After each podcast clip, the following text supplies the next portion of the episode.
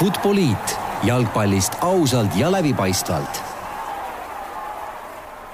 no nii, tervitused taas kõigile Futboliidi kuulajatele, meie järjekorras kahekümne esimene saade käima läheb. Äh, oleme stuudios täna kolmekesi, äh, minu nimi Raul Õessar, siin minu kõrval viimast korda äh, Rasmus Raidla, sellest veel hiljem natuke põhjalikumalt.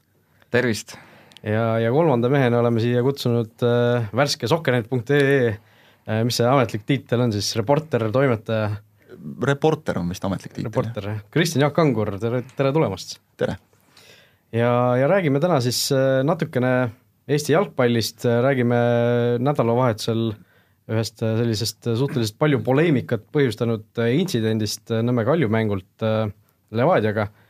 ja siis natukene võtame uuesti ette Premier League'i, kus siis siin selle nädala jooksul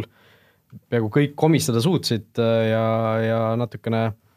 saate teises pooles räägime siis Eesti jalgpalli ajakirjanduse hetkeolukorrast, kuivõrd siin see üleminekuaken on, on olnud päris, päris tihe siin äh, jaanuarikuus, nii et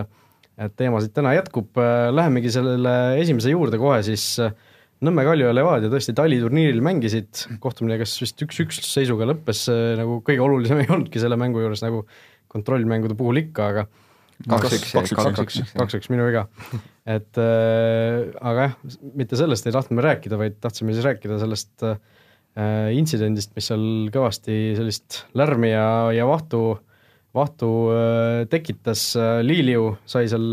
Nõmme Kalju ründe ja siis sai esimese poole keskel punase kaardi, sai vist kaks kollast kaarti selle eest, et pruukis suud kohtunike kallal, mis on ka äh, sõprusmängude samamoodi ilmselt Eesti rekord äh, nii kõrgel tasemel Äh, aga jah, point oli selles, et äh, Romer Tarajev, kohtunik, saatis siis Lilju väljakult minema ja kuigi nii Nõmme Kalju kui FC Levadia või FCI Levadia siis äh, soovisid, et et Kalju ikkagi saaks jätkata üksteist üheteistkümne vastu, kuna tegu oli kontrollmänguga ja ja ikkagi peamine oli mitte tulemus, vaid see, et saaks oma uusi mängijaid testida ja meeskonna mängu harjutada, siis siis Tarajev seda ei lubanud, vähemalt nii ütles Sergei Terehov ja ja, ja Kaljugi pidigi siis äh, mängima vähemuses, kuigi mõlemad meeskonnad äh, oleks soovinud ikkagi normaalselt üksteist üheteistkümne vastu jalgpalli jah, äh, meile, kui me sellest teemast äh, natuke rääkisime, siis äh, sa ise tõid ka välja selle taliturniiri reeglid viisteist punkti siis ja üheteistkümnes punkt ütleb, et mängus eemaldamise saanud mängija peab väljakult lahkuma ja võistkond jätkub vähemuses. aga noh, ütleme, ta jätab mingid lahtised otsad, et ma mäletan, just meenutasin, et kui ma kaks tuhat viisteist, kui seal vist Lepisto nüüd läks Kaitseväkke, siis ma läksin sinna Alli turniirile lugu tegema ja vaatasin ka, see oli toona Levadia ja Flora mäng, seal sai ka kolmkümmend üheksa minut, Luigend sai ka niisuguse ebasportlik käitumises punase siis saigi nagu noh, nii-öelda Flora jätkas vähemuses poolajani, aga teine poole kella oli üksteist versus üksteist, mis tundub nagu väga äh, mõistlik lahendus ja eriti, kui siin igalt poolt nagu surutakse peale, et see ei ole sportlik võistlus, tabelit ei peeta ja nii edasi ja noh, kui olid nagu mõlemad pooled nõus, et et natuke naljakas jah, et hakati niisugust jälle oma loomingut või oma iseloomu peale suruma selle asja nimi on taliturniir ja tegelikult äh, ei ole ju mingisugune turniir, see on lihtsalt sõprusmängude noh, organiseeritud sõprusmängud põhimõtteliselt. no ta on jah, nimeliselt turniir, aga seda on ju Jalgpalliliit ka öelnud, et, et noh, ma saan aru, see on natukene selle asja nagu turundamiseks, väljareklaamimiseks, et inimesed tuleksid vaatama, lihtsalt ütled taliturniir, aga nagu sa ütlesid ka, eks ole, viieteistpunktiline reglement, noh võtke lahti esiliiga, meistriliiga juhend Jalgpalliliidu lehelt ja neid punkte natuke rohkem kui viisteist, et jah, juriidiliselt kõik õige, tõesti, see punkt on olemas, samamoodi nagu on ka punkt olemas näiteks selle kohta, et, et need eemaldamised on mängupõhised, et nad ei kandu edasi järgmisesse mängu, kõik see, aga no mis me räägime siin sellest paari aasta tagusest näitest, oli vist minu arust kas päev või kaks hiljem oli oli madalama taseme turniiril Velko Elva mängus Toomas Nõmmiste, keda ma julgen ka ikkagi nimetada Eesti mõistes täiesti noh, tippkohtunik. tippkohtunikuks ikkagi ta regulaarselt on premium-liiga mängudel kas, kas peakohtunikuna või siis neljanda kohtunikuna korduvalt olen, olen teda näinud joone taga, et, et äh, tema võttis vastu otsuse, et, et täpselt samamoodi oli eemaldamine, jätkame teisel poolajal, ilmselt siis ka eeldan mõlema meeskonna soovil üksteist versus üksteist ja noh, ei olnud nagu küsimus, ma ei usu, et, et Toomas Nõmmistele nüüd jalgpalliliidu kohtunike osakonnast mingeid sanktsioone järgneks selle peale, nii et äh, jah, mõnes mõttes muidugi mõistan ka kohtunikku, tema on see, kes otsustab, me ei tea ju, mida Lilju talle ütles, noh olgem ausad, see, kui sa võtad üheteistkümnendal ja kolmekümne viiendal minutil ütleme otse välja mölisemise eest kaks kollast kaarti sellises mängus, see ei, ei ole väga mõistlik. aga noh, jah, ma ei tea, mida ta ütles kohtunikule, samas noh, see ei ole, ma ei tea, kohtunikule kallale minek või midagi sellist, et et, et see on subjektiivne kindlasti, see on kohtuniku otsustada, tal on see õigus, aga, aga minu isiklik seisukoht on, on antud juhul küll, et noh, oleks võinud jääda see nii-öelda terve mõistuse hääl peale, las mehed mängivad jah, no see Sergei Terehov ka ju ütles tegelikult, et või noh, ma ei usu, et keegi nagu oleks seda oodanud, et Lilju ise tagasi platsil lubatakse. ei, seda loomulikult mitte. et Terehov ka ju ütles, et noh, tunnistas ka ju ausalt Sokenetile siin äh, antud intervjuus, et rääkis Robert Raeviga, et punase kaardi nad andsid kohtunikuni õigesti, et ma, mulle tundub jah, et see see, see, mida ta ütles, ilmselt seda kõik seal kuulsid ja ja, ja said aru, et see oli täiesti õigesti antud, aga aga no minu nagu põhipoint on ka selle juures, et nagu keda sa lõpuks karistad sellega, et kui sa, kui sa seda mängijat või noh, mitte, mitte mängijat, vaid kui sa ei lase meeskonnal nagu uuesti üheteistkümnekesi mängida, kuigi mõlemad seda tahavad, et et noh, mis selle, mis selle asja point on ke,, keda see nagu noh, kellele see hea on või keda see teenib, eks ju. et seal ei ole nagu kohtunikul, ei tohiks olla mitte mingisugust põhjust äh, sellises olukorras äh, nagu enda sellist kindlat äh, jada ajada, et no okei okay,, see, see reglemendi punkt on seal olemas, aga nagu noh, täpselt nagu ütlesid, terve mõistus peaks nagu peale jääma. no ma võrdleks seda natukene selle olukorraga, et me teame, on kohtunikele antud väga selged suunised, et mängija tähistab väravat, võtab särgi ära, kollane kaart. ja, ja ko-, oleme ju ka korduvalt näinud neid olukordi, kus äh, mängija kas mälestab kedagi, mis iganes selline liigutav sõnum tal on seal särgi peal ja kohtunik ei anna talle kollast kaarti. jah, ilmselt see läheb kuskile mingi linnukesena kirja, aga, aga samamoodi need on olnud ka maailma tippkohtunikud ja ei järgne sellele mingisugust pikka keeldu, et see on täpselt see koht, kus kohtunik äh, saab võtta ise selle vastutuse koos võib-olla jah, sellega kaasneva mingisuguse väikese näpuviibutuse või mingi sellise asjaga, aga aga noh, ongi see, et kas sa lähed täpselt nööri mööda või sa kasutad natukene ka loomingulisemat lähenemist mingites olukordades, jällegi minu isiklik hinnang, heast kohtunikust tippkohtuniku teeb just nimelt see võime mingites olukordades ka vaadata siis kas reeglitest mööda, pigistada silm kinni, ükskõik kuidas seda nimetada, aga aga rakendada noh, jah, tervet mõistust, siin võib jälle öelda teine kohtunik, et minu terve mõistuse kohaselt on ikkagi see, et, et kui on nii kirjas ka, eks ole, ja et kui ikkagi mängija eemaldatakse, siis nii on, aga, aga teisest küljest, kui vaatad kas või seda, et noh, see taliturniir on ju koht, kus mängijad, meeskonnad testivad mängijaid. praegu näiteks, mida sai Levadia teada oma testimisel oleva keskkaitse kohta, kui mängitakse kümne mehe vastu, noh võib seda nalja visata, et noh, nüüd saitegi teada, et kuidas on mängida enamuses, kuidas on mängida vähemuses, aga noh, ma arvan, et taliturniir ei ole see koht, kus meeskonnad seda soovivad päris. Ja, ja noh, Kalju fännid muidugi viskasid nalja, et nemad said nüüd teada, et nende testitud keskkaitse ei kõlba kuskile ja tuli mees minema saata väga hea korras, eks ole, võib-olla läks üks mäng kiiremini, aga aga noh, ilmselge, et kumbki meeskond ei eelista sellist varianti toon siin selle Terehovi värvika tsitaadiga välja, et natuke rase ei saa ju olla. mängija tuleks kas reeglite pärast või siis lubada ettevalmistava taliturniiri puhul vahetada ka punase kaardiga liiljut. seda enam, et ta ei hüpanud kellelegi kaks jalga ees sisse, vaid sai kaardi jutustamise eest Levadia oleks siis näinud oma keskkaitsjat ja meie oleksime mänginud üheteistkümnekesi. aga mida me praegusel juhul sellest mängust saime, umbes see, mis sa ütlesid. no ma ütlen ka, minu seisukoht on see, et et noh, las see, kuidas see kol-, kolmkümmend viis vist selle punase, et las siis poole lõpuni olla vähemus, teine poole jälle üksteist versus üksteist, või kui näiteks saabki seitsmekümnendal punase, et noh, siis mängige lõpuni, aga kuna seal jäi päris palju veel seda mängu alles, et et noh, võiks niisugune täpselt, et kui mõlemad tiimid on nõus ja nii edasi, et et praegu jah, niisugune öeldakse, et on taliturniir või niisugune treeningturniir, aga siis on selline so-so, aga noh, teisest küljest jah, et et kuskil võib-olla see piir läheb ka, et okei okay,, praegu oli sõnelemine, aga noh, siis mingi hetk võib-olla hakataksegi nagu laht nii-öelda julgemalt mängima, et ah, punane ja vahet pole, on ju, et et kuskil see piir on ja noh, mis minu jaoks oli veel natuke naljakas, et on küll niisugune diskussiooni koht, aga võib-olla mitte nii suur, mis seal äh, Eesti jalgpalli pühamus Sokkerneti foorumis hakkas, et ma ei tea, neli-viis lehte, aga siis kui on a la Levadia Flora kaks-kaks kuskil A Le Coqil viimase minutiga, siis on umbes üks-kaks postitust, et äh, skandaal, skandaal müüb, võtame seda süüdi, on ju. võtame seda praegu positiivselt, inimestel on niivõrd suur nälg Eesti liiga vuti järele, et, et oodatakse seda, aga aga jah, selles mõttes, nagu sa tõid hästi välja, et, et et noh, ei tekiks seda olukorda, et, et noh, vahet pole, võin selle punase võtta, niikuinii saab jälle üksteist versus üksteist edasi teha, et, et selles mõttes tegelikult ongi hea, las see punkt olla seal. et eemaldamine, kui oled eemaldatud, siis pead väljakult lahkuma ja kohtunikul on võimalus seda siis vastavalt vajadusele painutada sõltuvalt rikkumisest, et kui keegi tõesti torutsema hakkab ja on nagu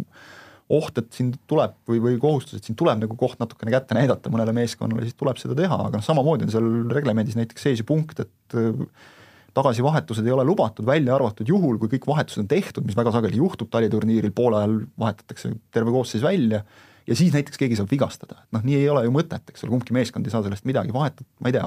vahetad selle väravavahi või ükskõik kelle sisse tagasi ja, ja mäng läheb edasi, et, noh, see, see on just nimelt minu meelest kantud sellest ideest, et see turniir ei ole mäng punktide peale, vaid see, need on ennekõike kontrollkohtumised lihtsalt, mis on ühte kohta kokku löödud ja pandud turniiri tempel külge, et, et noh, miks mitte ei võiks sellesama punase kaardiga samamoodi käituda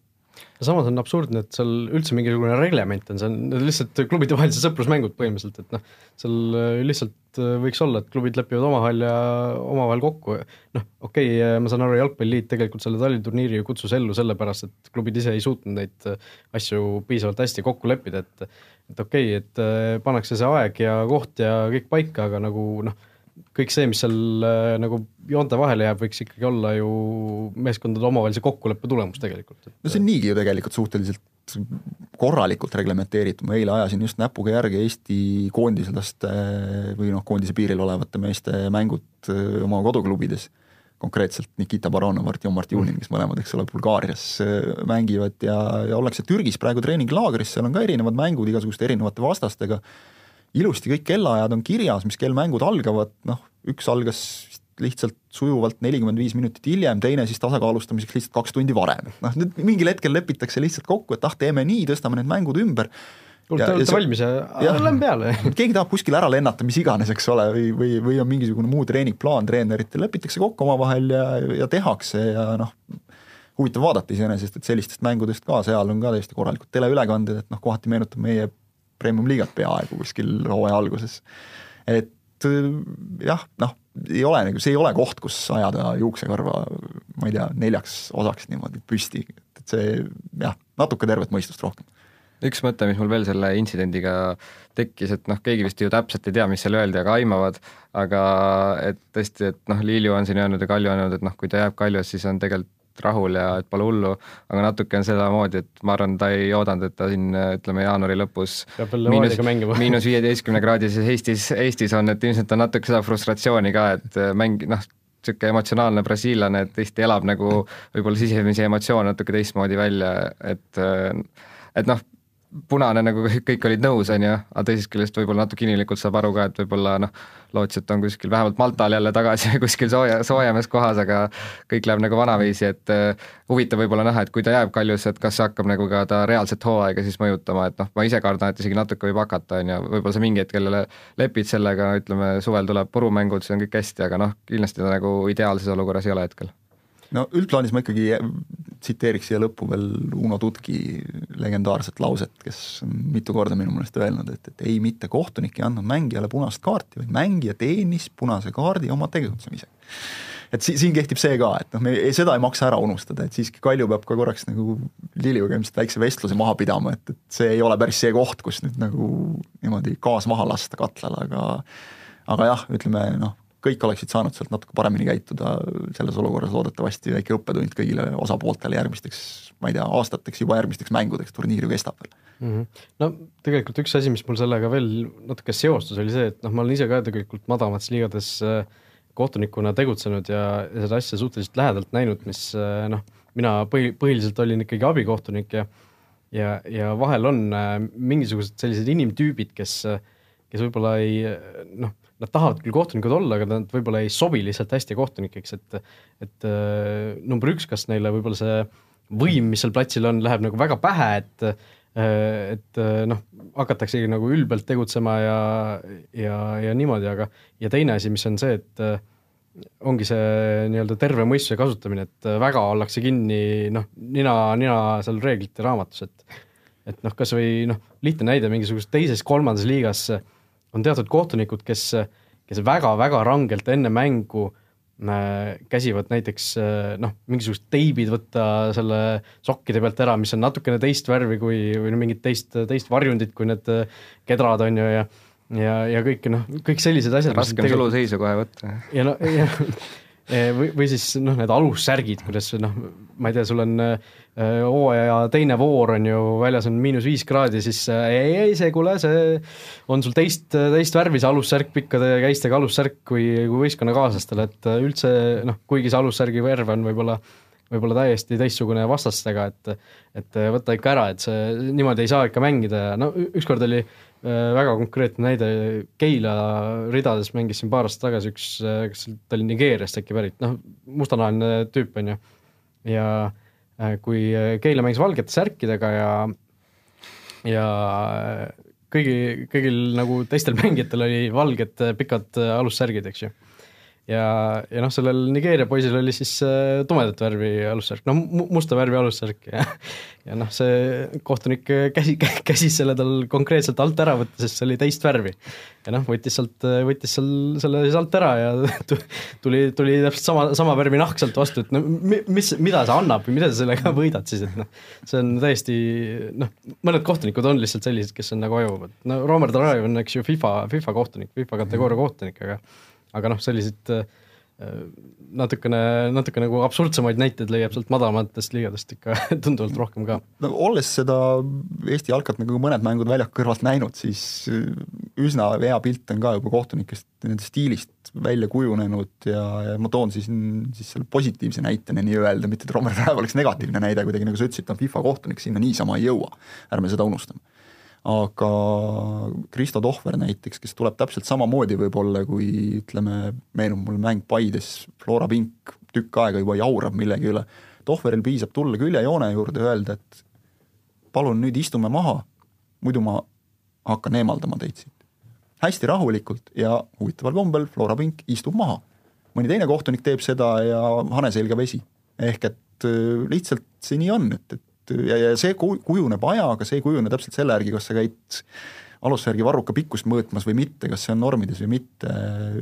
lihtsalt mõnel kohtunikul on autoriteet, teisel ei ole seda.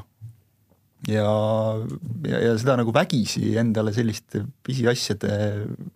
kallal noh, ütleme ikkagi nokkimisega seda ei tee. aga muidugi need, tuletasin veel meelde siia tulles, et, et kas, et on ju veel olnud selliseid olukordi, kus, kus nagu hooajaeelsetes mängudes, noh mitte Eestis tingimata, aga aga keeratakse kuidagi vint üle ja, ja kontrollisin üle, millal see täpselt oli, see oli vist kas kaksteist, kolmteist aastat tagasi umbes Inglismaal, kus äh, Paul Scholes oli üks ja minu meelest teine oli Wayne Rooney, kes võtsid endale mingis hooajalses äh, sõprusmängus, võtsid punase kaardi, noh, rõõmsalt arvates, et, et ega sellest nüüd midagi hullemat ei ole, et me siin Amsterdami turniiril selle endale korjasime, et noh, viimane mäng turniiril ja kõik. selgus, et äh, Inglise liigas kolm mängu keeldu, kusjuures see oli veel nii jaburalt, et esimeses voorus nad said mängida, sest apellatsioon oli õhus, ja siis teine, kolmas, neljas voor, see tuli vahele jätta ja noh, pärast seda minu meelest natukene näpiti neid reegleid, et noh, oleme ausad, see on kerge totrus. et sa kannad hooajalisete mängude punased kaardid ja see niimoodi täie rauaga, ehk mitte üks mäng, vaid kolm mängu, nagu Inglismaal tavaks, kannad üle siis liiga hooaega, et et need on jälle sellised kohad, kus tuleb tegelikult võtta nagu terve mõistusega, et, et jah, loomulikult ma ei tea, väära mängijale rahatrahv, pane kas või üks mäng, eks ole, seda keeldu või midagi või pane tingimisi keeld, mis iganes, aga aga see on jällegi see koht, kus, kus noh, nii-öelda jäi peale see ametniku sõna, jah, ametlikult kõik oli õige, kuskil reglemendis oli see isegi kirjas, et need nii kehtivad, aga nüüd küsimus ongi, et kas, kas see on kuskilt otsast mõistlik ja, ja, ja kas kas seda mängu mängitakse nii-öelda nagu ametnike jaoks või mingite protokollide jaoks või, või siiski on oluline see, mis väljakul toimub, et seda viimast ei tohiks unustada minu meelest jah, ma veel omalt poolt lisaks ka seda, et ma olen aina rohkem jõudnud veendumusele, et kohtunik võiks ja peaks olema hea suhtleja, et äh, samamoodi, kui ma ise mängin madalamas liigas, mõnikord tuleb mõni kõrgemalt vilistada, sa kohe näed, et ta nagu noh, sa pead nagu sina peale saama juba enne avavilet, noh seal nii-öelda rivistusel, et ohver on ka niisugune, et noh, väike nali, mis iganes, samal ajal kui vaja, noh sa ei lähe nagu niimoodi, et noh, sa näitad võimu, vaid sa ütledki, et äh, rahulikult räägid ära, et noh, ei, päris korrektselt ei käitu ja kui järgneb karistus, et et milleks need närvilisused tihti tekivadki, et on see, et nagu täpselt ei saada aru, mis on lubatud, mis ei ole lubatud ja noh, kui seal jah, läheb niimoodi käest ära, et siis on see suhtlusoskus päris oluline, aga teisest küljest noh, tunnustaks ikkagi madalama liiga kohtunikke, et ma ise ei ole kunagi tundnud kihku paarikümne euro eest äh, lasta end kuskil aprillis lumesajus pimedas sõimata lasta, et üldiselt see reegel kehtib, et mida madalam liiga, seda rohkem nagu, mida, et mida sitem tase, seda rohkem kohtunikku sõimatakse. Noh, mida vähem sa mängida oskad, seda rohkem sa otsid neid muid asju, mille, millega nagu äh, kompenseerida. Jah, aga ma arvan, et kohtunike teemale tõmbame joone alla ja liigume Eestist Inglismaale, Premier League'is siis äh, teisipäeval-kolmapäeval peeti järjekordne voor ja juhtus, juhtus nii mõndagi, et äh, rääkisime siin nädal tagasi, et äh, Solskjaer on võitmatu ja kõik on võimas, reedel võideti Arsenali, kõik oligi hästi, nüüd Burnley'ga mängiti kaks-kaks, kuigi ise vaatasin seda mängu, noh, täitsa okei okay,, eriti arvestades, mis kohtunikud tegid seal või vas-, need vastased tegid, ütleme, lähikonkurendid, et äh, see libastamine pidi varem või hiljem tulema. samamoodi siis City suutis ka kaotada Newcastle'i kaks-üks ja oli justkui kandikul kõik Liverpooli ette mängitud, aga eile siis äh, lumisel Anfieldil üks-üks äh, Leicesteriga, et kuidas see voor nagu kokku võtta, et noh, päris palju nii-öelda üllatusi, aga eks Inglismaa liiga ongi selline, et niisuguseid asju juhtub ma võtaks väga lihtsalt kokku, nädalasisene voor. seal juhtubki selliseid asju, sest et äh, paljudel olid karika mängijad tulevad otse töölt ja ja, ja just, just. et äh, paljudel olid siin karikamängud, noh, see kuulus inglaste midagi üle, nad armastavad halada alati, et, et roteerimine, siis muidugi hakatakse rääkima, et vot olid need äh, rauast meeste ja, ja puust laevade ajad, kui, kui kõik mängisid seal kolme päeva jooksul võib-olla kolm mängu üheksakümmend minutit, noh okei okay,, ajad on edasi läinud natukene. Äh, jah, nädalasisestes voorudes kipub ette tulema selliseid asju, praegu nad kõik kuhjusid kokku, ütleme minu jaoks näiteks see Liverpooli viik äh, pärast City kaotust ei olnud absoluutselt üllatav, sellepärast et see on täiesti klassikaline koht, kus on nii, et oh, jess, nüüd saame seitsmepunktise vahe sisse tõmmata, põhimõtteliselt kõik on need punktid juba tabelisse kirjutanud ja siis läheb nii, nagu ta läheb, Lester oli muidugi väga tubli Liverpooli vastu, aga ma tean, et Liverpooli fännidele see mu arvutuskäik ei meeldi ja ma täiesti tunnistan, et see ei ole võib-olla sajaprotsendiliselt objektiivne, aga, aga Liverpoolil on natukene, ma pean just fänne silmas ja see kaldub, kandub edasi ka, ka mängijatele ja üldse ka treeneritele, noh kogu klubile, et et on natukene selline kuidas seda viisakalt sõnastada või, või ilusti sõnastada, sest et iseenesest see kirg, mis Liverpoolis on jalgpalli vastu, see on tõesti tohutu ja, ja see on, see on ilus. See on tore, et see on olemas, kui seda koppi vaatad ja kuulad seda You never walk alone'i enne iga mängu, siis sa võid muidu olla ükskõik kui väga Liverpooli vastu, aga, aga see on, see on vägev ja see, see on ilus tõesti, aga kohati see läheb minu meelest sellisesse mingisse fanatismi üle natukene või kuidagi natukene üle piiri, ma vaatasin eile seda mängu ka niimoodi noh, töö tegemise kõrvalt nagu ja, ja, ja teise mänguga, sest Tottenhami mängus oli ka põnev seis, teise mängu vahet klõpsides natukene, aga mulle jäi silma, et juba kuskil umbes seal noh, kuuekümnenda minuti kandis või, või kuskil, kus tegelikult pool tundi on mängida, aega on küll ja veel, tribüünilt juba pidevalt, režissöör tegi ka head tööd, ta leiab üles inimesi, kes, kes närib küüsi, kes noh, on sa saad aru, et, et nad on kuidagi nagu mingi katastroofi lävel, et kohe kõik, kõik on kohe jälle väga halvasti minemas, kusjuures tegelikult ju ei ole ja ja ma lugesin kas eile õhtul või täna hommikul ka Inglismaa meediast, kusjuures samasuguseid tähelepanekuid ka, et, et oli kuidagi aru saada, et see närvilisus ja see tohutu pinge, see kandu lõpuks sealt neljakümnelt, viiekümnelt tuhandelt inimeselt edasi mängijatele. kandub väljakule ja, ja kuidagi Liverpool oli krambis ja siis juhtuvadki sellised asjad täpselt. et et noh, Liverpool on siin mänginud maha ju suuremaid asju ja, ja nüüd see, mis nad said, viiepunktilise edu sisse, et, et noh, kindlasti ei ole kõik tehtud, põnevuse huvides loomulikult suurepärane, et, et muidu meil oleks tõesti täpselt nagu eelmine aasta, kus põhimõtteliselt on sul veebruarikuuks meister enam-vähem selge ja pole nagu midagi vaadata enam, aga aga City puhul noh, mulle tundus, et nagu see on see klassikaline, see tiitlivõidu järgse hooaja niisugune, nimetame seda mingiks tiitlipohmeluseks või milleks iganes, et et need olukorrad, kus sa noh, lööd, mis oli kakskümmend viis sekundit, lööd esimese ära, kõik korras, lihtne, siit võtame kolm punni jälle ära, ja need olukorrad, kus oleks vaja panna see vana aja spordiklišee, see sada üks protsenti, vot siis seda sada esimest ei tule, jääb üheksakümmend üheksa ja, ja noh, Newcastle kodus on ka selline meeskond, kes, kui sa nagu eemalt konti näitad, siis nad võtavad selle hammaste vahele ja, ja City pakkus seda võimalust, Newcastle võttis vastu, väga tubli, nii, nii ta läheb lihtsalt, et noh, selles mõttes jah, vahva, et üllatusi tuleb endiselt, ei ole nii, et kolm punkti tabelisse ära ja lähme laiali. No Liverpooli jah, fännide puhul ilmselt need äh, flashbackid sellesse, kuidas Gerard seal libiseb ja Demba maha läheb umbes kolm-null maha mängitakse ja kõik muud asjad. et seal äh, need ilmselt äh, tõesti päris paljudel inimestel käisid peast läbi, aga aga noh, arvestades seda, et Liverpool nüüd kahekümne neljandas voorus esimest korda andis väljapoole top viite punkte ära, et see on ikka noh, müts maha ausalt, Premier League'is ei loomulikult see on väga kõva hooaeg, mida nad teevad ja, ja on täiesti selge, täpselt nagu oli selge, et see Sulsheri seeria, see ei kestanud igavesti. ja, ja kõige tõenäolisem ongi, et see libastumine tuleb, kõik juba vaatavad, oh, siin järgmised kolm mängu on nüüd lihtsad, Arsenali võideti, BSG mänguni lihtne, ei need libastused, libastamised, jaa, just, just, just, kõik, kõik on nagu easy, täpselt, broneerime juba lennupileteid, aga aga need libastumised tulevadki just täpselt selliste kohtade peal, elu on näidanud tavaliselt, et noh, see vana hea külmad teisipäevaõhtud Stoke'is, eks ole, noh, seekord oli Manchesteris. natuke roteerimist juurde, natuke õnne ka vist Burnley'l noh, ega nad liiga palju üle poole väljaku teisel poolel ei saanud, ühe korra said, lõid kohe teise ära, et, et noh, nii, nii ta läheb.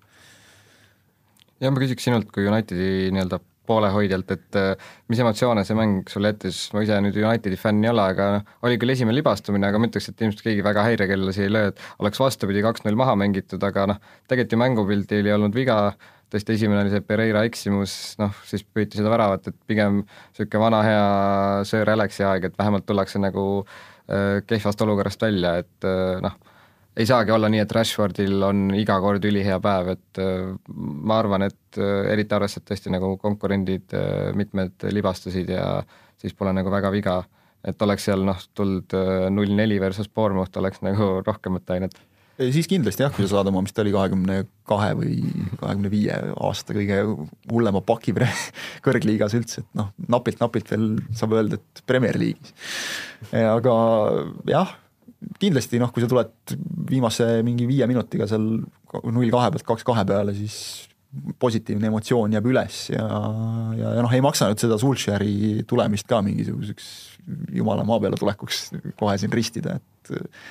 et ärme unustame ka seda, et ega vist peale minu meelest kas üks nullimäng vist on õnnestunud teha nendest tema mängudes, et, et kaitse on ikkagi endiselt selline igas mängus üks, üks-kaks tuleb, on ju. jah, ikka niisugune noh, neli-viis pläkki tuleb, millest siis paar tükki lüüakse ära, nagu seegi kord, see Pereira prohmakas, et noh, valus koht muidugi noorel mängijal sellist, sellist teha, aga aga loomulikult seal mängus on veel arenguruumi on kõvasti, et ega see oli ju selge, kui kui nüüd vaadatagi seda mängude graafikut, siis Sulsheril, mis tal tulevad seal, tal tulevad BSG, Liverpool ja sinna tuli vist nüüd see Chelsea karikamäng mm. ka veel juurde, siis on paar sellist nii-öelda jutumärkides kergemat kohtumist vahepeal ja siis tulevad sinna jälle vist olid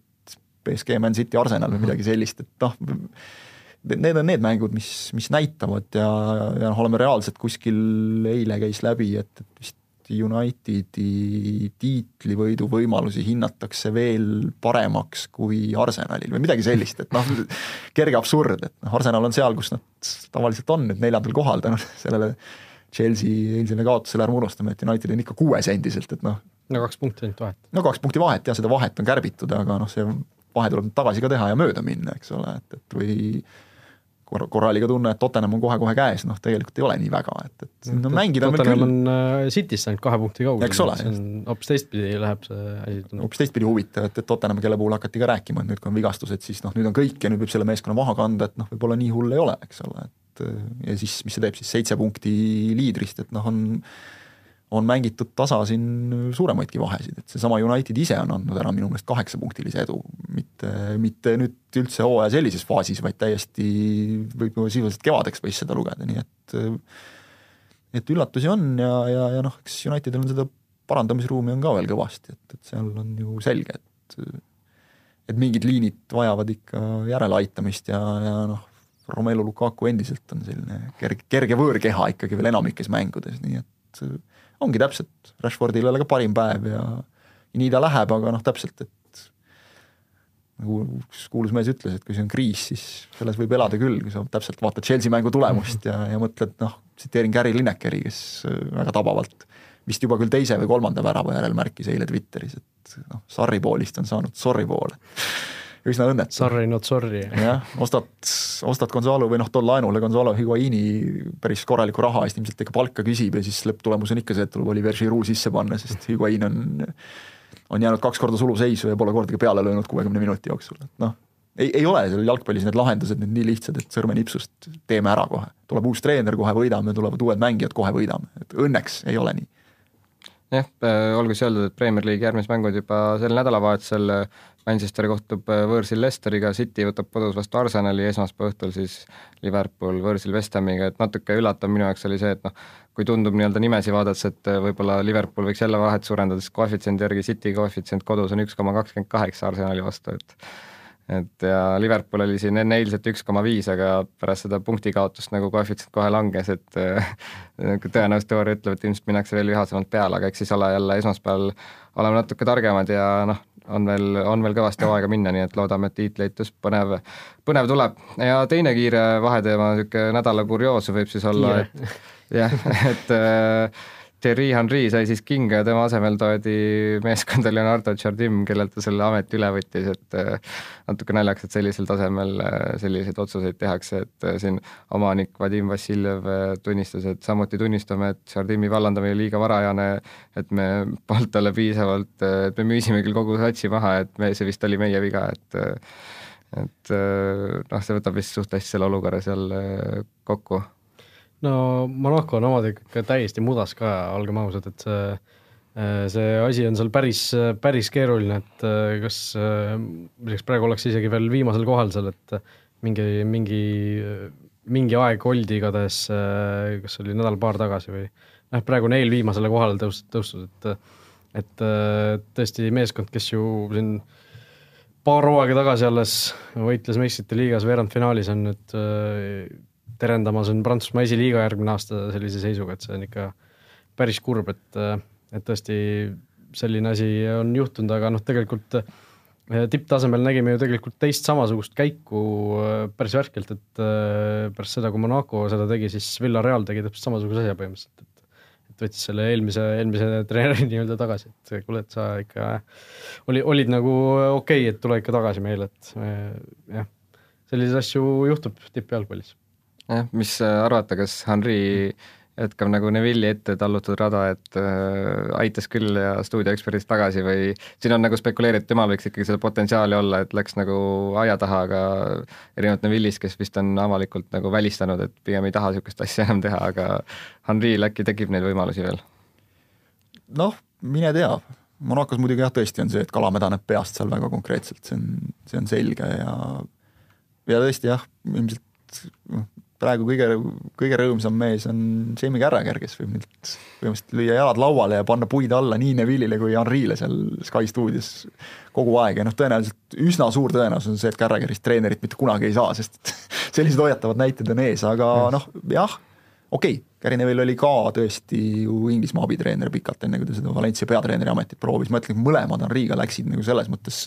minu meelest väga valesse kohta, väga valel hetkel, et, et sa täi-, no ikkagi sisuliselt kogemusteta, peatreeneri kogemuseta mehena sa lähed päästma satsi, mis on mingisuguse veel sellise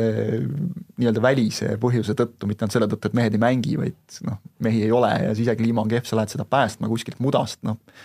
ma ei kujuta ette, et see saaks nagu üldse kuskil väga hästi lõppeda, aga Henri puhul noh, lugesin ka mingeid selliseid artikleid, mis ikkagi väitsid, jällegi, kuna ei ole ninapidi juures olnud, ei tea, aga et väitsid seda, et tal olid seal mingid oma lemmikud juba tekkinud, Juri Tiilemansi näol näiteks, kellele, kes on tegelikult väga kehvalt mänginud nagu mingid mängud ja kellele ta sokutas juba kas kapteni paela või mingit asekapteni paela, noh, Belgia koondise ajast selged seosed, eks ole. samal ajal vaadates siis selle kapteni paela andmisega mööda Kamil Klikist, kes on noh, legend ikkagi nagu selles klubis, et, et noh, jällegi, sa pead tunnetama seda, kui sa lähed poole hooaja pealt, see on niigi problemaatiline ja kui selles meeskonnas on probleeme, noh kas või see, minu meelest see oli vist viimane liigamäng, kus, kui sul mingi vend võtab üheteistkümnendal minutil endal punase kaardi lihtsalt keskväljal täiesti jaburas olukorras tallad ees sissesõitmise eest, noh, noh, see ei ole taliturniir, eks ole, selles suhtes, et see Prantsuse liiga nagu oluline mäng ja siis keegi teeb sellise liigutuse, sinna ei ole nagu treeneril mitte midagi teha ja, ja noh, Henri kohta ka väidetavalt mingid jutud olid, et tuli, alguses sai nagu meestega väga hästi läbi, kõik sujus ja, ja siis noh, hakkas, ilmselt tunnetas kuidagi, et autoriteeti on vaja juurde keerata ja, ja täpselt see, mida sa rääkisid kohtunike kohta, peatreener peab olema ennekõike ju hea psühholoog, sa pead tajuma neid mehi, mängijaid. võib-olla ta proovib uuesti, ma ei tea, eks see sõltub nagu noh, egost, kes kui palju laseb mõjutada sellele ennast. iseenesest noh, mul oleks hea meel, kui, kui, kui ta prooviks veel, sest ta on jätnud alati sellise sümpaatse ja analüüsiva mängija mulje, aga me teame ju kõik väga hästi, et ega heast mängijast ei saa alati head treenerit, et neid proovijaid on on kõik kohad täis olnud ja, ja ütleme nii, et ikka põrujate protsent on tegelikult oluliselt suurem kui õnnestujate protsent. kui me kas või praegu vaatame tippklubide treenereid, siis seal on kõik päris palju neid, kes tegelikult mängijana ei ole mitte midagi saavutanud, aga selle võrra neil on olnud aega süveneda treeneritöösse, teha põhjalikku eeltööd, studeerida kellegi käe all, kas või Murillo, eks ole, noh, kõik nagu unustavad selle ära, et enne Portot ta oli, oli pikalt-pikalt päris suurte meeste käe all õpipoiss, et, et see, see ei ole päris nii lihtne, et lähen ja teen, et olin kõva mängija ja küll ma mõistan neid, ei, ei ole nii kerge jah, ma ise julgeks ka ennustada ja pakkuda, et Henri võib-olla veel kätt proovib, aga võib-olla pärast sellist krahhi alustab jälle kuskil abitreenerina ja siis sealt hakkab vaatama, et treeneri mõistes on ta veel piisavalt noor. no oleks loogiline see, et, et sa ikkagi treenerina hakkad ka tulema kuskilt mm -hmm. väiksemast klubist ja üldiselt minu meelest selliseid treenereid, mängijaks treeneri, mängijast treeneriks läinud mehi, neid on ka edu saatnud kes on võtnud kõigepealt ette mingi väiksema klubi, tõstnud seda kuskile ja siis tulevad suuremad tööd alles, see vastutus on tegelikult no, tohutu, millele sa saad kaela anda. oleneb ka, et noh, väikse klubi treenimine on ju tegelikult hoopis teine asi kui noh, tippklubi, et noh, kui võtame Zidani, okei okay,, ta oli seal Reali duublis, aga aga tema esimene suur töökoht oligi ju tegelikult Real ja ta sai seal noh, fantastiliselt hakkama, on ju, et et aga, aga ma ei usu, et ta oleks suutnud, ma ei tea, suvaline näide, Stoke Cityt kuskil Premier League'is hoida, et see noh, need on kaks ikkagi täiesti erinevat asja ja noh, kas või noh, Inglismaa näitel, Inglismaa esiliigas või kuskil League One'is, et see see töö, mis sa seal pead tegema, on ikkagi täiesti erinev kui sellest, mis sa teed kuskil tippklubis või või kas või noh, Monacos, et sõltub ka inimtüübist täiesti lihtsalt, mis kellele sobib. Jah, aga võtame siis viimase suurema teema ja saate viimase teema ette, võib siis äh, nimetada tee-, saate osa nimeks näiteks Olukorrast riigis või Olukorrast Eesti jalgpalliajakirjandus, et äh, nagu Raul siin saate alguses ütles, siis äh, jaanuar ei ole üleminekuaken lahti ainult nii-öelda rahvusvahelises jalgpallis, vaid ka Eesti, Eesti ajakirjanduses, et siin meie tänane külaline Kristjan Jaak Kangur ja Ott Järvel alustasid siis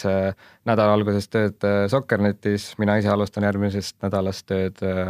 Jalgpalliliidus. Ja et muudatusi on ja ütleme siin noh, on nagu võib-olla avalikkuses mitte nii palju, aga oleme siin omavahel arutanud üldse, mis see Eesti ajakirjand-, ajakirjanduse, sulgudes vutiajakirjanduse seis võiks olla, et mõtlesime, et kui siin äh, tarkade klubi koos on, et siis natuke räägiks nii-öelda avalikult ka, et mis mis siis äh, see seis on ja kuhu see tüürimas on, et äh, ma ise olen natuke üllatunud, aga kindlasti see on positiivne, et Sokkerite selline võidurelvastumine käib. et kunagi, kui meie Rauliga Sokkernits alustasime, siis seal Tanel Tursid ja Turskid või kuidas iganes öelda Kasper vist ise on alustanud kolmeteistaastaselt, päris sellised enam peale ei tule, et et äh, noored võib-olla ülikooli kõrvalt tahavad tulla, et äh, ajad on natuke muutumas, aga võib-olla esimene niisugune suunav küsimus, et siin Priit Pullerits ja mõned on vihjanud, et oleme võib-olla ajakirjanikud, jalgpalliajakirjanikud on liiga omasid kiitvad, et kriitikat on, on vähe, et mida sellest arvate? noh, nii ja naa, see on jälle see, et, et teades Priit Pulleritsa suhtumist jalgpalli, siis äh, on, tema puhul nagu seda muret ei ole, et seda kriitikat jalgpalli suunas liiga vähe oleks. aga äh, jah, iseenesest noh, selles mõttes aitäh talle, et see teema tõstatus on hea, see paneb ju meid ka mõtlema samamoodi, et äkki me tõesti olemegi liiga kiitvad, oleme liiga omas, omas mullis kinni, et, et ega seda trummi nüüd liiga kaua ka ei ole mõtet taguda, et et jalgpall on maailma kõige populaarsem ala ja noh, see, see on natuke sisutühi jutt selles suhtes et äh, noh, ma ei ütleks, et ühegi ala nüüd nagu süvitsi kajastamine saab kuskilt otsast halb olla. ja, ja võib-olla tõesti mingites olukordades võiks ka vähe kriitilisemad olla, aga, aga ma jälle ei julgeks ka öelda, et nagu ei oleks oldud, et on oldud küll, kui ikka Eesti koondis mängib kehvasti, siis, siis ikka öeldakse ka, et, et kuulge, siin on probleemid ja, ja esitatakse peatreeneritele noh, teravaid küsimusi on jälle, et mis on terav küsimus, et võib-olla mõni täpselt Delfi Postimehe kommentaator leiab, et, et noh, ainuke õige küsimus on see, et, et millal sa ameti maha paned, et noh, teisest küljest me ju teame, et see, see on nagu väga pehme, et seal jah, jah, täpselt noh, jah. mina olen seda korra vist Magnus Pearsonilt pärast suurepärast Portugali mängu niimoodi yeah. vihjates küsinud ja, ja just täpselt nagu sa ütledki, seda, seda on küsitud ja seda on otse küsitud ja Magnus Persson näiteks ka on, on vastanud nendele küsimustele täiesti ausalt. Ja samamoodi minu meelest meid on praegu selles mõttes õnnistatud jalgpallikoondist väga hea peatreeneriga, kes, kes vastab väga otsekoheselt ka teravatele küsimustele ja ja jälle kiidab. Jah, no jälle kiidan, eks ole, just täpselt, et ei, ei aja mulli, aga, aga noh, jah, ma kujutan ette täiesti, et, et sellega on täpselt nii, nagu noh, isegi siin mõne teise ala puhul, Eesti Ekspress võttis oma Good Bad rubriigis eilses lehes kohe ära mainida selle, et kõik mingil määral, noh, mina olen nüüd oma käed sellest puhtaks pesnud, aga, aga Postimees ja Delfi on, on süüdi selles, et Ott Tänakut on kõik kohad täis, eks ole, kui ralli käib nagu ja tõesti nii on, ma kujutan ette, et inimesele ei ole Postimees Delfi, selles on süüdi Eesti rahvas, keda see nii palju huvitab. no täpselt, eks ole, just. klikk on jumal. ma kujutan ette täiesti, et, et kui, kui sulle sind ralli ei huvita, siis on sellest kõrini või, või noh, näiteks teisest küljest kolleeg Andres Vaher Postimehes avaldas siin nüüd juba saab öelda eelmisel aastal üle kahe külje ulatunud suure loo sellest, milliste erinevate taktikaliste formatsioonidega Eesti, Eesti jalgpallikoondis võiks mängida. noh, ma mäletan, kusjuures naljakas oli see, et, et sellele reageerisid, kui seda sai nagu tutvustatud, meil on homses lehes selline teema, sellele reageerisid turtsatusega isegi kolleegid, kes küll ei ole sporditoimetuses, kes on väga suured jalgpallifännid, väga suured Eesti koondise fännid, et oh umbes, et mida siin analüüsida. noh, võta lahti ükskõik millised äh, muu maailma spordilehed, rääkimata nendest, kellel on sul kakskümmend neli lehekülge jalgpalli on iga päev lehe vahel, pluss siis muu sport on ka seal kolmel leheküljel kusagil. et, see on nagu norm pigem. et või, või, või see nüüd, et rääkida, et sellest ei ole mõtet nagu juttu teha, noh ideaalis võiks kõiki spordialasid niimoodi analüüsida minu meelest Kossu koondist, võrgukoondist, mida iganes. küsimus on selles, et, et nagu noh, me kõik teame siin laua ümber, et, et kuskil suures päevalehes töötades selleks ei ole lihtsalt, lihtsalt ei ole tavaliselt seda aega. ei ole võimalik seda aega võtta. minu jaoks selles mõttes, nagu sa ütlesid, võidurelvastumine, ma ei ütle seda nüüd sellepärast, et ma ise, ütlen kohe ära, et ma ise nüüd Sokernetis olen aga seda ma mõtlesin juba ammu enne, kui Sokernet üldse minu poole pöördus, et noh, äkki tahad meile tulla või, või mingi pakkumise tegi, et kuidagi on minu meelest selline suundumus, et inimesed, kes võib-olla natukene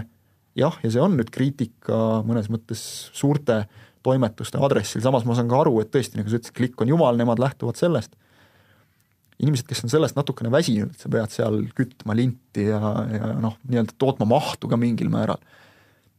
kuidagi on hakanud tõusma need mis meil on, korvpall kakskümmend neli, neid korvpalliportaale on mitu, võrkpall kakskümmend neli, käsipall kakskümmend neli. käsipall kakskümmend neli, endine,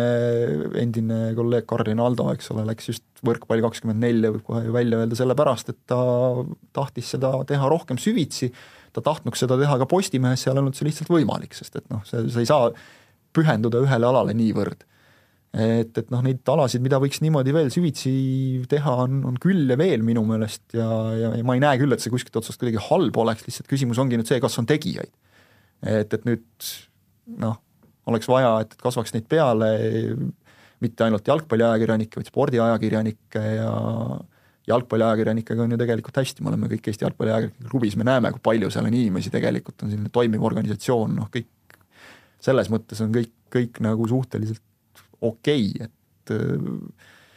et jah, spordiajakirjanikke, ega neid nüüd liiga palju noortest peale ei tule enam, sest et noh, mäletan, oli Postimehes mingisugune, nagu ikka neid tehakse koolilastele ekskursioone, see oli mingi keskkooliklass juba ja, ja, ja, ja küsimusele sporditoimetuse toas, et noh, kes teist spordiajakirjanikuks äkki tahaks saada? vaikus. Läheme lihtsama küsimuse juurde, kes teist sporti jälgib pidevalt? no üks poiss siis tagantreast tõstis käe, et ma ikka vahel natuke vaatan, et noh, see harjumused on muutunud omal ajal sport oli nagu rohkem see, mida,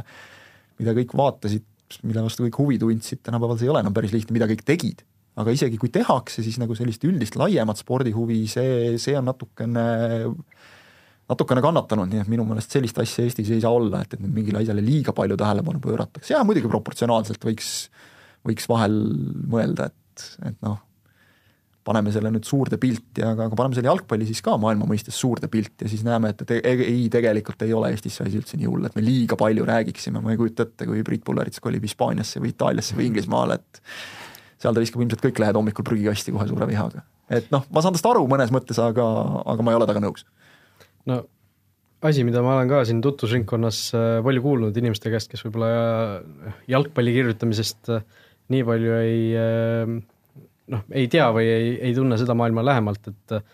et Sokkerneti minek esmaspäeval sa alustasid, kas kell kümme hommikul äh, algas siis tööpäev kohe sellega, et Aivar Pohlak istus, istus sinuga kuskile maha ja ja rääkis, et mida, millest tohib kirjutada, millest ei tohi kirjutada. toimetuse seinal on nagu sein-, kümme, kümme punkti. üks käsk, et taliturniiri ja Sokkerneti reeglid on viisteist punkti. ei noh, võtame sellesama Sokkerneti ette ja, ja Ivar Lepikult äh, eelmisel aastal väga kriitiline kirjatükk ma ei tea, et oleks vaibal käinud selles osas, et, et kas, kas meie liiga noh, see talvel alustamine ja see talijalgpall, kas see on hea, kas see ei ole hea, võin käsi südamel öelda, mina ei ole saanud Aivar Pohlakult ühtegi juhtnööri. kuidas peab kirjutama, kuidas ei tohi kirjutada ja, ja noh, ma ei usu ka, et, et seda tuleb, kui just ei lähe noh, lahmima, et kuni jutt püsib nagu faktipõhine ja, ja sisukas, seni ma ei, ma ei usu, et, et seda juhtub, küll noh, võib öelda, et ka suuremas päevalehes töötades neid, neid alaliidu juhte ikka leidub ja, ja igasuguseid alaliidu inimesi, kes, kes kirjutavad, et, et võtke nüüd see asi sealt maha või, või teine asi maha, et, et noh, jah, selles mõttes ju te teate ju ka väga hästi mõlemat, ka Delfis näiteks sama asi on Postimehes, on minu jaoks isiklikult on natukene võib-olla üle piiri, on see, et üks asi on see, kui keegi kui sa näitad mingisugust asja, teed sellest ülekandeid, siis sa pöörad sellele rohkem rõhku ka selle kajastamisele kuskil oma portaalis. see on normaalne, oma asja ikka reklaamid. Nüüd me oleme tänapäeval jõudnud sellesse olukorda, kus äh, ajakirjandusväljaanne on juba kas mingisuguse kellegi sponsor, mingi sportlase sponsor Äh, mingi ürituse korraldaja just, eks ole. konkurent korraldab või näitab, siis natuke nagu boikoteerida kergelt. jah, noh, ja see on nagu loomulik selles mõttes, et, et noh, on selge, et Eesti meediaväljaanded ei pasunda Delfi rallipäevast või samamoodi Delfi ei kirjuta see tennisemäng, mis oli, eks ole, et, et ei, Delfi kirjutas sellest Eesti, ei, ma ütlen, aga sa ei kirjuta Eesti meedia tenniskapp no, või mida, mida iganes, eks ole, et, et noh, jah, loomulikult ja meie loomulikult Postimehes kajastasime ka Delfi rallipäeva sündmusi, eks ole, aga, aga noh, ütleme minu jaoks jookseb sealt kuskilt see koht, et, et äh, sa annad nagu ise sellele spordialale hoova kätte, et saaks mõjutada, et no nii, et nüüd kuulge, et, et te olete meie toetajad, nüüd te kirjutasite negatiivselt. või sa hakkad sportlast toetama, sportlasel võistlus läheb pekki ja siis sa nagu kirjutad, et oma lolluse tõttu, ütleme täiesti võimalik on selline asi. ja siis sa kirjutad, et noh, neli aasta aega ja rahvusvaheline kapitalism olid süüdi, no see ei noh sa, sa annad või, nagu ise ei kirjuta üldse. või ei kirjuta üldse, täpselt, see on ka hea näide, et, et jätame nagu negatiivsed asjad välja, ärme kirjutame negatiivselt, kirjutame nii-naa, minu, minu jaoks on see lihtsalt noh, seda on suudetud nagu enam-vähem praegu veel kontrolli all hoida, aga minu meelest see on väga libe tee ja ma ei ole kindel, et see oleks üldse hea tee, kuhu, kuhu ajakirjandus läheb, et niigi seda on, on palju, on seda, et äh, kohati juba reklaamiosakond või müügiosakond kipub dikteerima natukene sisu, noh, see on see, et, et lõppude lõpuks me mängime kõik nagu lugeja usaldusväärsuse peal, et äh, lugeja ei ole loll ja ta näeb läbi sellised asjad ja, ja see võib jah, turunduse, turundusosakonna jaoks olla hetkeline selline hea boost, kõik klikid tulevad, inimesed käisid kohal, vägev üritus, aga lõppkokkuvõttes noh, ongi see, et, et kas sa nagu saad seda enam uskuda, mis sealt, mis sealt lehest või, või veebist tuleb, noh, kas see on objektiivne, kas, kas see on ka selles mõttes objektiivne, et, et kui sulle öeldakse, et meil on nüüd see üritus, nüüd paneme kogu oma rõhu sellele ja mingid muud asjad kannatavad selle all, mis on palju olulisem, et noh, ei ole väga selle fänn. ma ei salga, et see on võib-olla üks põhjus, miks, miks ma ka, miks ma ka ise vahetasin, vahetasin töökohta, noh, lõppude lõpuks see muidugi taandub kõik sellele, et, et iga inimese enda isiklik eetika, et millest ma kirjutan, millest ma ei kirjuta, noh, kedagi meist ei sunnita äh, töötama kuskil, eks ole, alati saad lahkuda, aga see on peeglisse vaatamise koht, aga noh, seda oleme ausad, nagu see on selline ideaal, praktilise maailma seisukohast sa ei saa seda alati lihtsalt teha, et oh, mulle see ei sobi, ma lähen nüüd minema, et noh, teed väikese kompromissi ja sealt see läheb küsiks sult võib-olla seda ka, et äh, näed sa nüüd, kui sa seal töötad, et Sokkernetis, mis suunas ta võiks areneda või ütleme, mida juurde panna, et ma ise natuke tunnen puudust, nagu sa ütlesid, noh, oli üks artikkel Postimehes, aga just Sokkernet võib-olla oleks hea platvorm sellele, et kui ta on seal Postimehe maksumüüri taha, siis võib-olla see tõesti ja noh, kui tiraaž on suur, siis ta võib-olla suuremat osa ei kõneta, aga Sokkernetis noh, ma juba tean ka niimoodi lasta, et tihti saab äh, ülekanne saab Sokkenitis rohkem vaatamisi kui Postimehes, kuigi ühes on selgelt nagu liiklus suurem, aga lihtsalt sinna on nagu noh, fokusseeritud jalgpallihuvilised on seal, on ju. et ma ise nagu igatsen jah, taktikalist analüüsi, vist Foorumis üks Piraja logoga tegelane vist Kaarel, äkki mingi niisugune kasutaja, et hästi hea oleks ja huvitav oleks tegelikult pärast koondismänge, noh ei pea pärast igat mängu, aga kui on nagu midagi järeldada, et noh, konkreetsed pildid on ju, inimene võttis lahti äh, Selle üks kaheksa kaotuse, jah, mida me keegi meenutada ei taha, see üks kaheksa Belgiale ja, ja Eesti koondise väravat, Mm. kes kus mida valesti tegi. väga huvitav oli seda lugeda tõesti mm., kahjuks nüüdsest, nüüdseks, nüüdseks on vist äh, pildid on kuskile no, serveri sügavustesse kadunud, aga, aga iseenesest noh, jah, sellist asja loomulikult ja vot see on nüüd küll koht, kus noh, noh, jalgpalliportaalile ei saa keegi ette heita, et miks ta nii palju jalgpalli kajastab. et seal on eh, internetiruum ka ilmselt otsa ei saa niipea veel, et, et seal on võimalused on piiramatud, et selle tõttu ma just näengi sellistes portaalides seesama võrkpall kakskümmend neli, noh, ma näen, kuidas seal saab minna süvitsi, seal saab teha mingisuguseid selliseid asju, mis jah, olgem ausad, noh, lihtsalt kas oma mahu poolest või, või ka tõesti lihtsalt olulisuse, olulisuse poolest ei ületa suuremates lehtedes seda, seda uudiskünnist, sest noh, on mingisugused nii-öelda tõesti kohustuslikud asjad, mida tuleb kajastada, mis on mis on rahvale huvitavad ja, ja mis on ka tõesti olulised, et noh, alati lihtsalt me teame, see on niisugune klassika, et kui sul on vaja midagi lehte panna, siis siis on, on ruumi vähe ja siis, kui sul on mitu külge, siis sul ei ole sinna mitte midagi panna, nii et, et noh, jah, see, see on kindlasti koht, kus noh, ma olen natuke vale inimene nüüd oma neljandal tööpäeval siin, et, et lähme selles suunas, teeme seda, aga Kasparile ilmselt küsimus natukene rohkem, aga, aga ma saan aru, et, et selle asja mõte just ongi see, et, et noh, natuke rohkem lisaväärtust ja, ja nagu sa ütlesid, et Sokkernet on olnud see koht, kes on tegelikult selles mõttes tohutult Eesti spordiajakirjandusele andnud, et just see on see esimene koht olnud, see esimene platvorm, kus inimesed saavad õppida nii-öelda elementaarselt kirjutama, uudist tegema ja siis sealt noh, vist kõik suuremad toimetused on praegu täis inimesi, kes on, on mingil ajal seal töötanud või mingil moel sealt tulnud või sealt mingi kogemuse saanud, et, et nüüd minu ja, ja Oti sinna minekuga ongi just see, et, et noh, nüüd on nagu nii-öelda aeg kasvatajaklubist sai ostjaklubi. jah, täpselt jah, eks ole. et äh, jalgpalli keeles. kõige, kõige edukam üleminekuaken ilmselt. aga anname Rasmusele ka siin äh, mõned minutid võimalus, võimaluse ennast, äh, ennast selgitada. põhjendada. jah, põhjendada, et ma saan aru, juba selle nädala lõpus siis sinu aeg Delfis lõpeb, mis kestis siis kas peaaegu neli aastat või neli aastat täis ma isegi. tsiteeriks Peep Pahvi siin, et mida on sulle enda õigustuseks öelda et äh, kuhu sa siis täpsemalt lähed, miks ja, ja mis sinust edasi saab? jah, et esmaspäevast alustan tööd siis Jalgpalliliidus, Asula neli C koos Kristjan Jaaguga hakkame koridoris võib-olla trehvama äh,. ametinimetuseks saab äh, Premium-liiga kommunikatsioonispetsialist, ehk siis proovime Premium-liiga nii-öelda noh, näidata, mis seal reaalselt toimub ja seda atraktiivselt kajastada miks ma selles suunas otsustasin, ma arvan, siin äh, Kristjan Jaak tõi ka hästi välja võib-olla, et äh, noh, kui ma ise olen lapsepõlvest mänginud jalgpalli, siis nagu mingi ala on ikka tihti südamelähedasem ja et äh, kindlasti oli väga huvitav ja hariv aeg, et otse, et mul nüüd midagi ette heita polegi, aga lihtsalt in- mingi hetk tuleb võib-olla noh, neli aastat minu vanuses ei ole nagu üldse, on täitsa pikk aeg, et ma olen otse ülikoolist siia tulnud, et vaadata, kas ma võin öelda, seitse aastat minu vanuses on veel pikem aeg yeah. väga Jah. ilmselt õigel hetkel sul see otsus. jah, et äh, oli ka see, et ma mõtlesin, et noh, kui nüüd, nüüd mitte minna, siis võib-olla jääb veel asi niimoodi vaatama, et äh, jalgpall on mulle nagu alati südamelähedane olnud ja number üks ala, et äh, kuigi ma väga hea meelega, ma jälgin ka korvpalli isegi viimasel ajal rohkem kui jalgpalli, aga aga jah, üldiselt kunagi ju Sokkeris alustasime seal lihtsalt äh, noh, toona ei olnud nagu neid vahendeid, et reaalselt sellest ära elada, sellest ka nagu suuremasse toimetusse minek, aga eks ole näha, et äh, ma ise loodan ja eeldan, et tuleb huvitav aeg, aga võib-olla nelja kuu pärast äh, koputan jälle siia uksele. Aga eks ole näha, et noh, ma ütlengi, et ma tunnen jah, et mul endal on piisavalt teadmist, huvi ja tahet ja ütleme noh, sellist, et anda siia jalgpalli nagu midagi juurde,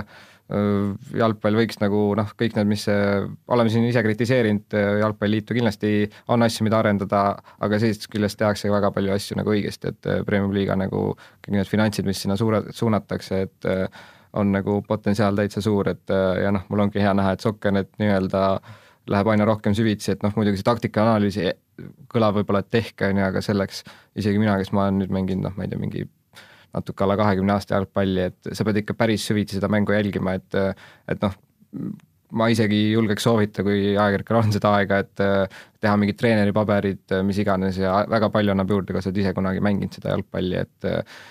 et noh, näiteks ma vaatan ise väga palju korvpalli, aga ma tunnen ära ikkagi, et ma lõpuni ei saa sellest alast aru, et noh, see on samamoodi ka kommentaatorite küsimus alati, et kui sa ei ole ise seda teinud, näiteks noh, sa võid pühapäeval korra käia trennis, on ju, aga niimoodi viis viiele sõpradega ei ole päris sama, kui sa oled nagu noorena teinud, noh, mitte professionaalselt, aga mitu korda nädalas trenni, sa nagu saad sellest alast palju paremini aru, aru, et et seda ma ka võib-olla, kui tulla tagasi sinna, et mis võiks ajakirjanduses veel rohkem olla, see ei ole isegi etteheide, vaid lihtsalt olukord on selline, et võib-olla äh, et julgustaks võib-olla veel rohkem neid äh, jalgpallureid, kes võib-olla ei tee seda kõige teravamat läbiminekut äh, kodus jalgpallis, et äh, selle asemel, et võib-olla Austraaliasse minna, äkki koputada mõne toimetuse uksele ja et kirjutada, mis ju paljud oskavad, et miks mitte seda proovida. ja nii-öelda kui oma põhjendused on ära toodud, siis viimane asi, mis ma veel nii-öelda veel arutaks, et noh, see Jusk oli selle teema algus ka, et et ma ise tunnen, et noh, kui ma olen seal jalgpalli sees kogu aeg olnud, et nüüd olles suuremas toimetuses, mul on neid kontakte võib-olla igapäevaseid vähemaks jäänud, võib-olla tekivad jälle juurde, aga et et seda siseinformatsiooni võiks ka nagu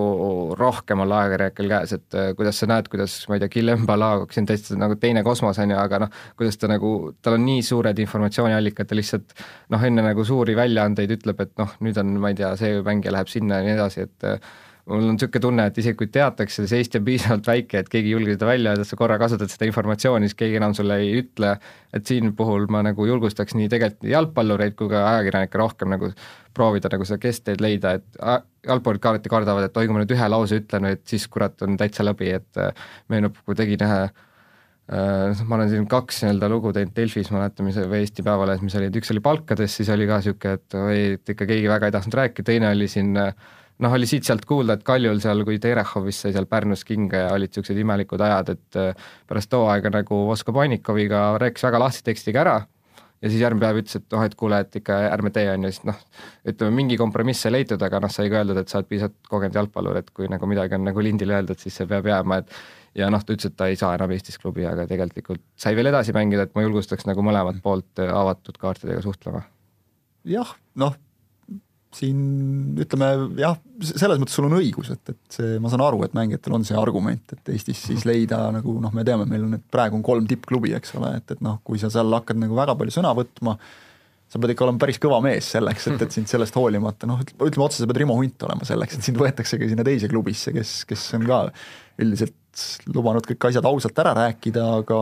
aga noh, jällegi tema on ka hea näide, meil tegelikult on neid jalgpallureid on piisavalt, kes on näidanud seda, et sa võid olla avameelne, sa võid olla avatud ja samas noh, kui sa paned mingid piirid rahulikult paika, võtad ajakirjaniku ka kui võrdset, ega ma ei, ma ei tea ühtegi ajakirjanikku eriti, kes see võib aja jooksul kuidagi kujuneda, aga et nüüd ajakirjanik tuleb selle mõttega, et ma nüüd lähen seda sportlast kottima kuidagi.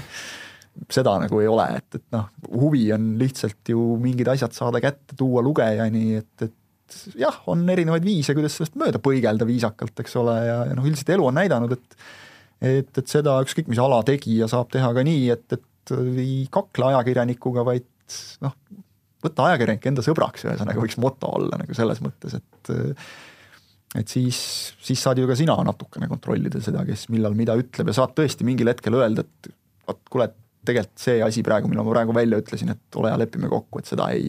ei pane sisse, et, et noh, ega ajakirjanik ei, ei taha käru keerata, tema üldiselt, eriti kui me räägime nii spetsiifiliselt äh, spordiajakirjanikest ja, ja, ja spordi, spordialade sa korra kuritarvitad seda, siis järgmine kord ei saa seda Täpselt. enam, on ju. et, et noh, see, see ei ole nagu tõesti sellesse kaevu ei ole mõtet sülitada, kus sa ise jooma pead kogu aeg, et et see on jah, tunnetuse küsimus ja, ja, ja noh, ma leian, et, et siin ongi jälle see, et, et need jubedaks jalgpalli kiitmiseks läheb ära jälle, aga aga Jalgpalliliit minu meelest võiks selles mõttes mingitele Eesti teistele alaliitudele teha ka natukene koolitusi, et, et kuidas noh, kõikide mängijatega ei jõua suhelda, aga kõik mehed, kes koondisest vähegi läbi käivad ja noh, siia alla käivad ju ka noortekoondised, et seal tehakse kohe selgeks, et sellist asja ei ole, et tuleb ajakirjanik, ütleb, ma tahaks rääkida ja ja mängija ütleb, et käi kuu peale, ma ei räägi sinuga. et noh, see on osa sinu tööst, kuidas sa seda täpselt teed, see on juba su enda valida, aga, aga, aga noh, näha nüüd ajakirjanduses mingit vaenlast, ma, ma ei näe, et see kummalegi osapoolele nagu kasuks tuleks, et, et noh, pärast on ikka lõpuks see, et, et kisud tüli kellegagi, siis Nublu paneb su laulu sisse ja noh, siis nii ongi lihtsalt, sealt sa välja ei saa enam. et, et see, see ei vii nagu kuskile, et, et, et jah, selles, aga no ma ütleks selles osas, eks ole, jällegi, mis meil Eesti spordiajakirjanikena sa tood siin Balagi näiteks, eks ole, ta on noh, selline üks, ma ei tea,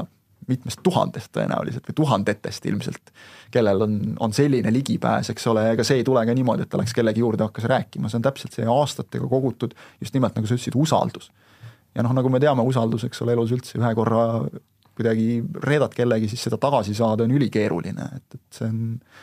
on keeruline küsimus, aga, aga noh, meil Eestis on siin see, et ma võtan telefoni praegu laua pealt, helistan Eesti koondise peatreenerile, noh, rääkige seda oma välismaa sõpradele ja need kukuvad tooli pealt maha, eks ole, pole võimalik elu sees.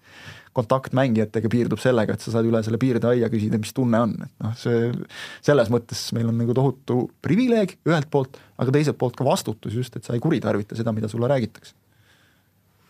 just nii, aga nagu, nagu aru saite, siis Rasmus äh, jätab Futboliidiga hüvasti, ehk mõnikord külalisena võib veel tagasi tulla, aga, aga tõesti järgmisest nädalast siis juba,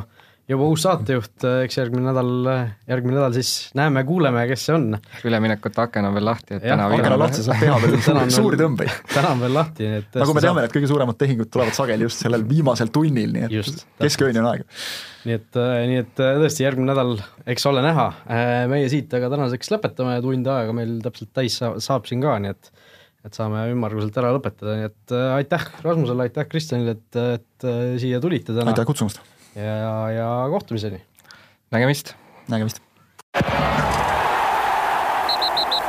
Futboliit jalgpallist ausalt ja läbipaistvalt